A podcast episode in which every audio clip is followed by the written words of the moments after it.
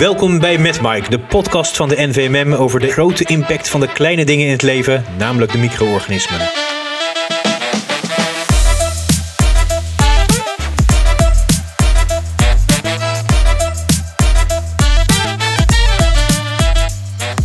Ik ben Wiesjo Hira. En ik ben Andreas Vos. En dit is nu echt de tweede aflevering van onze podcast. Uh, wat gaan we doen? Nou, jij bent uh, niet alleen podcastmaker nu, maar je bent natuurlijk ook onder andere arts-microbioloog, heel belangrijk. Maar je bent ook voorzitter van de SRI, het Samenwerkingsverband Richtlijnen Infectiepreventie. Zullen we het daar eens over hebben? Lijkt me een fantastisch idee. Kunnen we direct daarmee beginnen dat ik uh, niet voorzitter van het SAI ben, maar voorzitter van het uh, ja, coördinatie- en uitvoeringsorgaan. Een punt waar we het zo over kunnen hebben waarom ik deze verschil wil maken. Maar goed, dat is voor straks. Dat is goed. Nou, laten we eerst eens beginnen met wat is het SRI nou eigenlijk? Ja, SRI staat voor Samenwerkingsverband Richtlijnen Infectiepreventie. En eigenlijk is dat, uh, ja, opvolger klinkt fout, want het is een nieuwe versie van onze Nederlandse richtlijnenorganisatie over infectiepreventierichtlijnen. Oké, en wat doen jullie? Wij proberen in eerste instantie, de eerste opdracht die gegeven is, is dat wij alle bestaande WIP-richtlijnen vernieuwen. Wat is de WIP dan? Sommige van onze luisteraars weten misschien niet wat een WIP is. De werkgroep infectiepreventie was het orgaan wat uh, voor Nederland die richtlijn infectiepreventie gemaakt heeft. Het was volledig bestuurd door uh, infectiologen en deskundige infectiepreventie. Wat mogelijkerwijze en uiteindelijk tot een draagvlakprobleem geleid heeft. Dus in 2017 is deze werkgroep die echt toonaangevend was in infectiepreventieland in Europa, zou ik zeggen, ten gronde gegaan. En het heeft toch even vier jaar geduurd voordat uh, de besluit genomen is om dit in een vernieuwde vorm te continueren in het SRI. En wat is dan nu het verschil tussen het SRI en de WIP? Ja, het grote verschil is dat de SRI probeert over alle domeinen van de zorg in Nederland richtlijnen te maken. Dus uh, niet alleen het medisch specialistische domein, wat in deze door de Federatie Medisch Specialisme vertegenwoordigd wordt, maar ook de langdurige zorg. En dat is dus de volledige spectrum van de langdurige zorg, van verpleeghuizen tot de GGZ en de publieke zorg of openbare gezondheidszorg vertegenwoordigd door het RIVM. Hey, en uh, kun je dan ook nog even vertellen waarom die richtlijnen nodig zijn? Wat hebben we er nou in de praktijk aan? Hè? Na zo'n pandemie hebben de meeste mensen al iets gehoord van infectiepreventie en welke maatregelen nodig kunnen zijn en nodig zijn om uh, nosocomiale infecties, maar inclusief moet ik zeggen alle mogelijke vormen van infecties, uh, want het gaat niet alleen over zorggerelateerd, maar in de publieke sector is natuurlijk net iets anders. Uh, om infecties te voorkomen. Dus door ons handelen, door het wel of niet nemen van beschamende maatregelen, kunnen wij invloed uitoefenen over hoeveel infecties bij ons patiënten of cliënten, uh, om in de langdurige zorgterminologie te spreken, wij kunnen voorkomen. Nou, ik denk dat dat duidelijk is. Gaan we weer terug. Jij bent begonnen als kwartiermaker, begrijp ik. En het SRI is, zoals je net hebt verteld, inmiddels twee jaar oud. Kun je nog uh, voor de geest halen hoe dat was? Ja, uh, in principe is aan opzet gekomen hoe het SAI, wat het SAI zou moeten doen. Een concept gemaakt door uh, medewerkers van Federatie Medisch Specialismen, Skills, dus de, de Stichting Kwaliteitsimpuls Langdurige Zorg en het RIWM. En die hebben kwartiersmakers aangesteld. Dat, dat waren er drie, waarvan ik er één mocht zijn. Uh, en wij zijn eigenlijk alle oude WIP-richtlijnen doorlopen. En hebben gekeken welke daarvan hebben we nog nodig. Welke kunnen we droppen. Welke kunnen we samenvoegen. Om zo te komen tot een hoeveelheid richtlijnen die we binnen de opdracht van VWS, namelijk vijf jaar, hoopten te kunnen uh, herzien.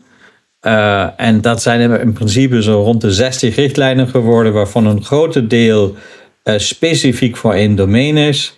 Maar ook uh, een twintigtal richtlijnen die wij generiek noemen, die dus samen ontwikkeld worden over de drie domeinen van de zorg. Heb je een voorbeeld daarvan? Ja, een voorbeeld zou kunnen zijn handhygiëne, om, om maar één, één van deze te nemen. Uh, is natuurlijk van toepassing, zowel in de medisch specialistische zorg, maar zelfs in het publieke domein, zoals we nu weten van de COVID-tijden. Uh, dus het is overal van toepassing. En dan probeer je met vertegenwoordigers van alle drie domeinen gelijktijdig aan één richtlijn te werken. Kun je wat meer vertellen over uh, hoe jullie te werk zijn gegaan in die opzet? In welke richtlijnen je hebt gekozen en waarom die richtlijnen? Eigenlijk noem je net twee vragen, maar goed. Het ene is dus welke, welke richtlijnen hebben we gekozen? Ja, uh, dat was echt in een discussie tussen ons drie en later is dat ook aan alle stakeholders gevraagd. Of ze daar met de door ons genoemde keuze het eens waren of, of niet. In de organisatiestructuur, dat is belangrijk. Uiteindelijk, naast deze kwartiermakersfase, wat eigenlijk alleen maar de selectie van de protocollen was, kwam de echte opbouw van het SAI, bestaand uit twee onderdelen. Dat ene is het CNU, het coördinatie- en uitvoeringsorgaan. Daar worden feitelijk de hele richtlijnontwikkeling uh, ja, gestimuleerd en begeleid. En het andere is de begeleidingsraad. En de begeleidingsraad is inderdaad toezichthouder en adviesorgaan voor het CNU. En het leuke is, ik ben dus voorzitter van het CNU en, en Jaap van Dissel is de voorzitter van het begeleidingsraad. En ik heb dan altijd de vraag, wat is überhaupt het SCI? Is het dan de twee organen? Uh, ja, dat is een beetje grappig. Uh, wel, ja, niemand is echt voorzitter van het SCI. Wel Jaap van de begeleidingsraad en ik van de CNU. SRI is zeg maar een soort meer een soort van overkoepelende term voor twee structuren, dus als ik het zo begrijp. Ja, en, en ik, ik zou van per governance zou ik het net anders gedaan hebben. Ik zou gewoon een SCI gedaan hebben met een voorzitter van het SCI en daarnaast een raad van toezicht of een raad van begeleiding gezet hebben. Dat maakt het iets duidelijker over welke organisatie we eigenlijk praten. Maar goed, dat is niet zo belangrijk. Uh, belangrijk is dat we wel goed met elkaar kunnen werken. En dat, dat werkt uh, fantastisch. Maar je voelt dus geen belemmeringen daarin. In dat de, die organisatie dus eigenlijk een beetje ja, op twee poten hangt, maar niet helemaal helder is. Ja, nou, de, de, de begeleidingsraad uh, geeft, geeft natuurlijk, die kijkt naar wat wij doen. die geeft ook af en toe aanwijzing over dingen. Maar in principe is het echt meer echt een toezichthoudersfunctie uh, die, die even kijkt hoe wij functioneren en die ons op dingen attent maakt, maar zich niet in de dagelijkse praktijk mengt.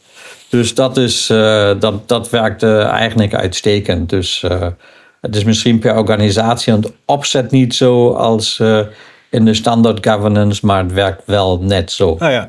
Maar voel, voel je dan wel nog uh, negatieve zaken in het geheel? Hè? Voel je, heb je af en toe zoiets van, nou, dit had nou echt beter gekund? Nou, dat, dat, kijk, dan, dan komen we langzaam op de, de, de praktijk en hoe het gaat. Nou, ik, ik noemde al, wij, wij hebben generieke richtlijnen. Uh, en, en wij zien nu toch verschillende problemen. Als je even kijkt in 2021 zijn we begonnen met de grootste richtlijnen die te ontwikkelen zijn. De meest belangrijke, zoals isolatie, persoonlijke beschermingsmiddelen, de BMO, MRSA, uh, handhygiëne, reiniging, desinfectie van ruimtes. Dat zijn echt giga onderwerpen. En, en de meest belangrijke. En vele van deze zijn generiek. Dus daar zitten uh, medewerkers uit de langdurige zorg, uh, medewerkers uit de publieke zorg en medewerkers uit de medische specialistische zorg. En daar zijn toch echt grote verschillen wat wij aan isolatie over al deze domeinen kunnen doen. Of wat we met MRSA willen doen over al die domeinen. En dan zie je dat er moeilijke discussies komen waar mensen het gevoel hebben: ah, ik ben, niet, ik ben een beetje alleen. Waar is mijn tweede collega arts-microbioloog of de derde arts-microbioloog en de derde infectioloog en de derde deskundige infectiepreventie? Maar nu hebben wij allemaal vertegenwoordigers van andere beroepsverenigingen en andere stakeholders. En daarmee wordt het soms per kennis en kunde van infectiepreventie een beetje dun. En de zichtwijze van de mensen reikt aan tot heel veel discussies. En dat zie je nu dat deze stukken in de commentaarfase zijn. Nou, dan krijg je namelijk niet zoals misschien gewend een tiental pagina's commentaar, maar 200 pagina's commentaar op een richtlijn die in de commentaarfase zit. En dat is natuurlijk bijna niet te doen voor zo'n werkgroep om dat alles maar te verwerken. Dus het is echt. Uh, dan zie je hoe moeilijk het is om één richtlijn te ontwikkelen voor de gehele zorg. Dus ik hoef me eigenlijk nog niet schuldig te voelen dat ik nog nooit commentaar heb gegeven op een van die richtlijnen als mij daarom gevraagd werd. Nee, ik ben misschien moet ik zeggen, ik ben ontzettend blij dat je het niet gedaan hebt. dat waren dan 201 pagina's geworden. Maar uh, nou, daar, is, daar is ook heel veel in de manier hoe wij commentaar geven. No? Uh, kijk, onze eigen beroepsvereniging stuurt het uit aan iedereen die commentaar wil geven. En uh, omdat het zoveel werk is, ook voor de, de, de NWMN, dus onze collega's, uh, wordt dat vaak zonder dat een tussenstap is doorgegeven richting een werkgroep. Ja, dan krijg je veel te veel commentaar. Ik denk, we moeten echt kijken, samen met de stakeholders van het SAI, wat is een goede manier om dat te doen? Hoe kunnen we commentaren bundelen? Nou, wel dat leuke is, uh, je krijgt op hetzelfde onderwerp een advies, krijg je één keer te horen, nee, het moet naar rechts, de andere keer het moet naar links. En de volgende zegt van, nee, dat is prima, ga zo door. Ja, wie volg je? Nou, dus uh, daar moet lijn aan gebracht worden. Ik denk dat dat belangrijk is voor de toekomst. Ja, en hoe doen jullie dat dan? Want ik kan me dus inderdaad voorstellen dat je zo'n richtlijn terugkrijgt en dat er inderdaad commentaarronde is geweest. En dan zegt groep A van, uh, ja, je moet dit doen. Groep B zegt inderdaad 180 graden de andere kant. En groep C zegt, nou, dit is oké. Okay, maar dan zegt vervolgens van groep C heb je waarschijnlijk ook weer drie meningen die uh, die kanten op gaan. Ja, nou, dat, dat, dat is even dat grote, dat is zo compliceerd. En dat maakt de zoals ik noemde in de generieke richtlijnen voor drie domeinen, hebben we eigenlijk besloten dat je zo'n soort common trunk hebt, waar we het allemaal over eens zijn. En dan misschien nog speciale adviezen voor de medisch specialistische zorg en speciale adviezen voor de langdurige zorg of voor de publieke zorg. En wat je dan ziet is dat uh, het heel ingewikkeld wordt, want iedereen leest alles en dan geven de mensen van de langdurige zorg ook commentaar op het onderdeel van de medisch specialistische zorg. En allemaal door elkaar. Uh, en, en zelfs binnen één tak krijg je dus verschillende meningen. Als wij met veel discussies, we hadden bijna bij een van deze richtlijnen, waren we kort voor een geschil, omdat mensen om de tafel uit de verschillende domeinen niet eens konden worden over formulering, hebben we met elkaar alsnog een formulering gevonden. En dan komt een vertegenwoordiger uit het domein wat de meeste problemen had met de, de, door de anderen gestelde eisen, die zegt dan als commentaar plotseling, maar waarom doen we dat niet zo als de, uh, bijvoorbeeld uh, de medisch specialistische zorg dat zou willen voorstellen? Nou, dus het is, je hebt zoveel opinies, en dat is een beetje het probleem dat infectiepreventie is heel veel kunde en ervaring en jammer genoeg heel weinig harde evidence. Dus, uh, en kom dan maar tot goede richtlijnen en vooral gelijke richtlijnen waar het iedereen mee eens kan zijn. Dus het blijft moeilijk. Zijn jullie uh, binnen het SRI ook van plan om iets te doen aan die gebrek aan kennis? Uh, dat proberen we wel. Dus wij, wij hebben die, die um, symposia die we, die we georganiseerd hebben. Dus het eerste was een kick-off symposium. Het, het tweede symposium was expliciet gericht op implementatie. En we gaan nu volgens uh, hebben een prachtig symposium over duurzaamheidsaspecten. Heel grappig, lijkt actueel te zijn dat thema. Nou, zou je daar wel een beetje op kunnen ingaan? Hè? De duurzaamheidsaspecten, we hebben het natuurlijk vorige keer inderdaad ook al over gehad. Maar binnen de infectiepreventie, we hebben het hier nu bij mij in het ziekenhuis ook, zijn er heel veel discussies over, uh, tja, moet je voor duurzaamheid gaan of moet je voor de optimale infectiepreventie gaan? Hoe sta jij daarin? Ja, ik denk dat uh, ik weet hoe ik daarin sta. Dus ik, ik ga voor optimale infectiepreventie.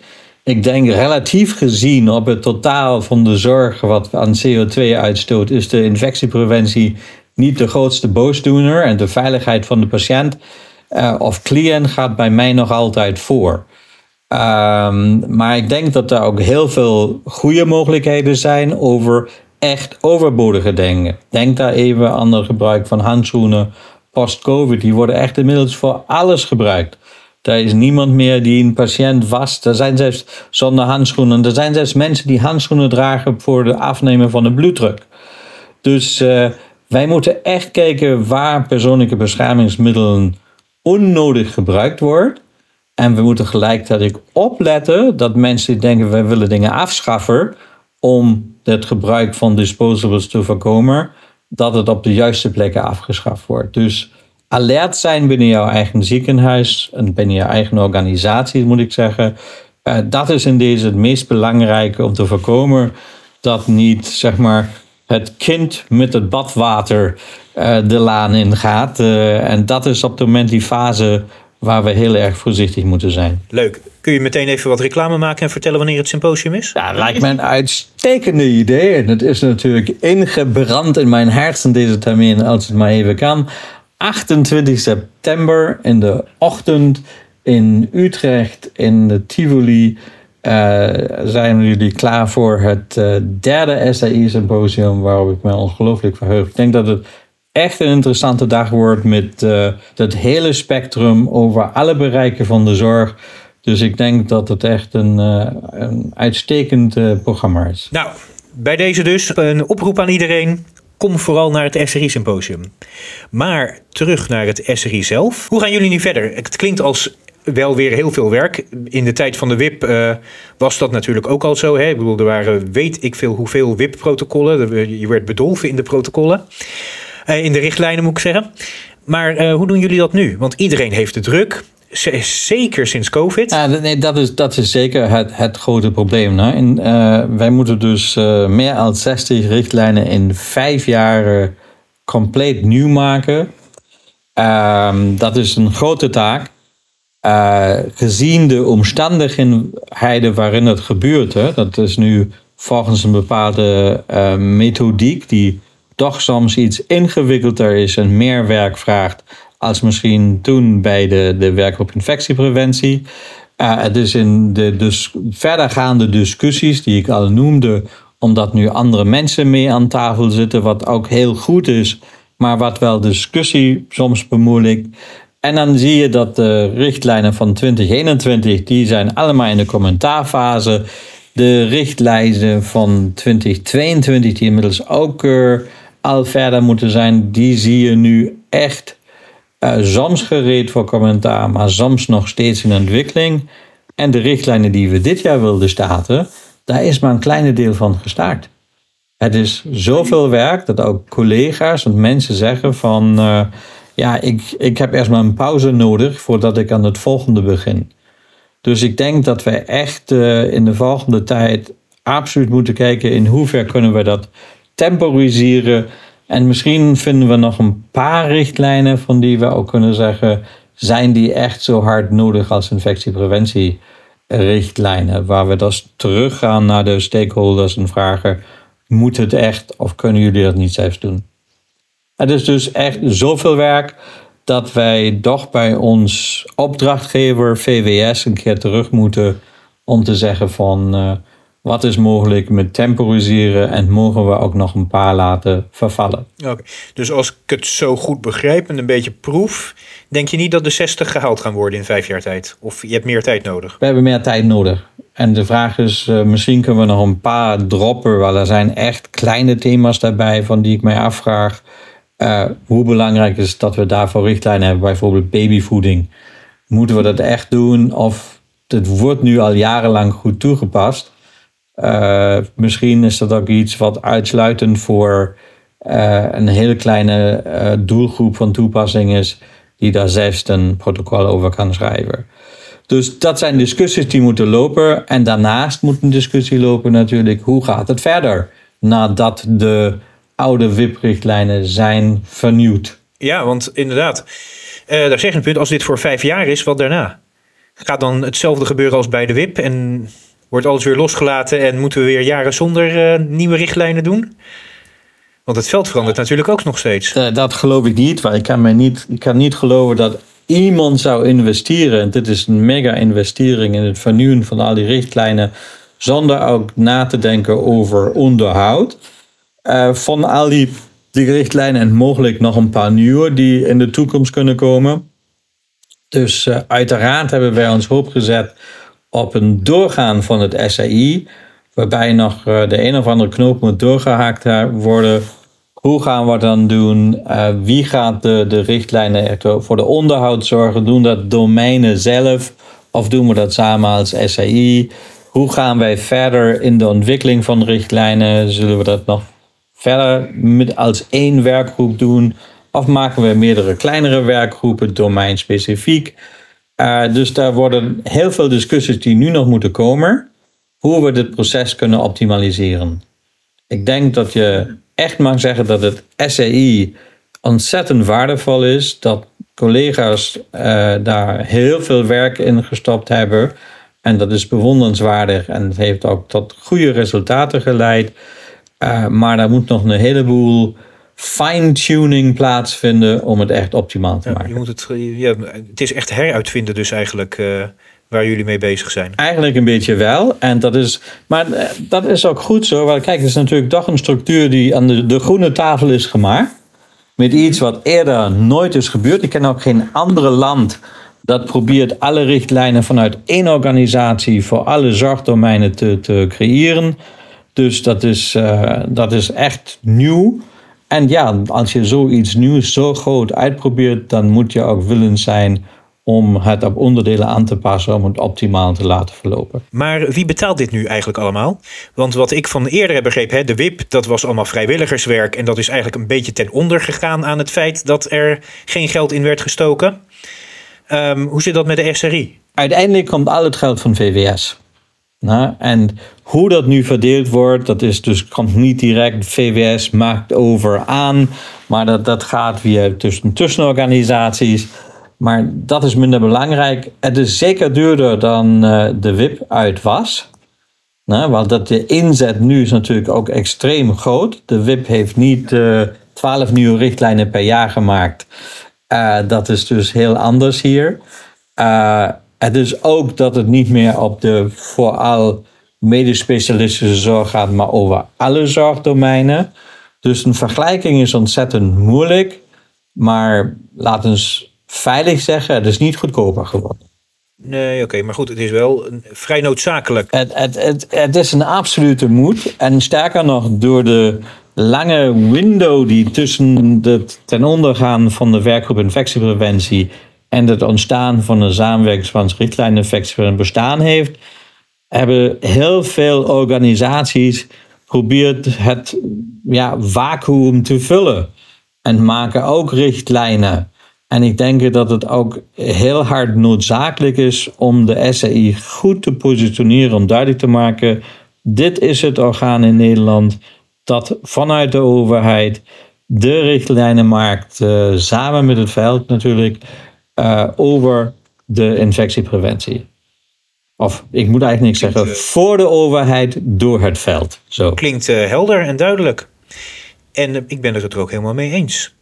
Je klinkt heel enthousiast, Andreas, over het SRI. Heb je spijt dat je hier aan begonnen bent? Of uh, denk je van nee, dit is een van de betere dingen in mijn leven geweest? Nee, totaal niet een van de betere dingen in mijn leven. Ik zou wel willen zien, er, er zijn toch problemen die aangegeven worden door, door het veld. En, en die ook resulteren nu in het niet beman krijgen van, van de laatste groepen van dit jaar.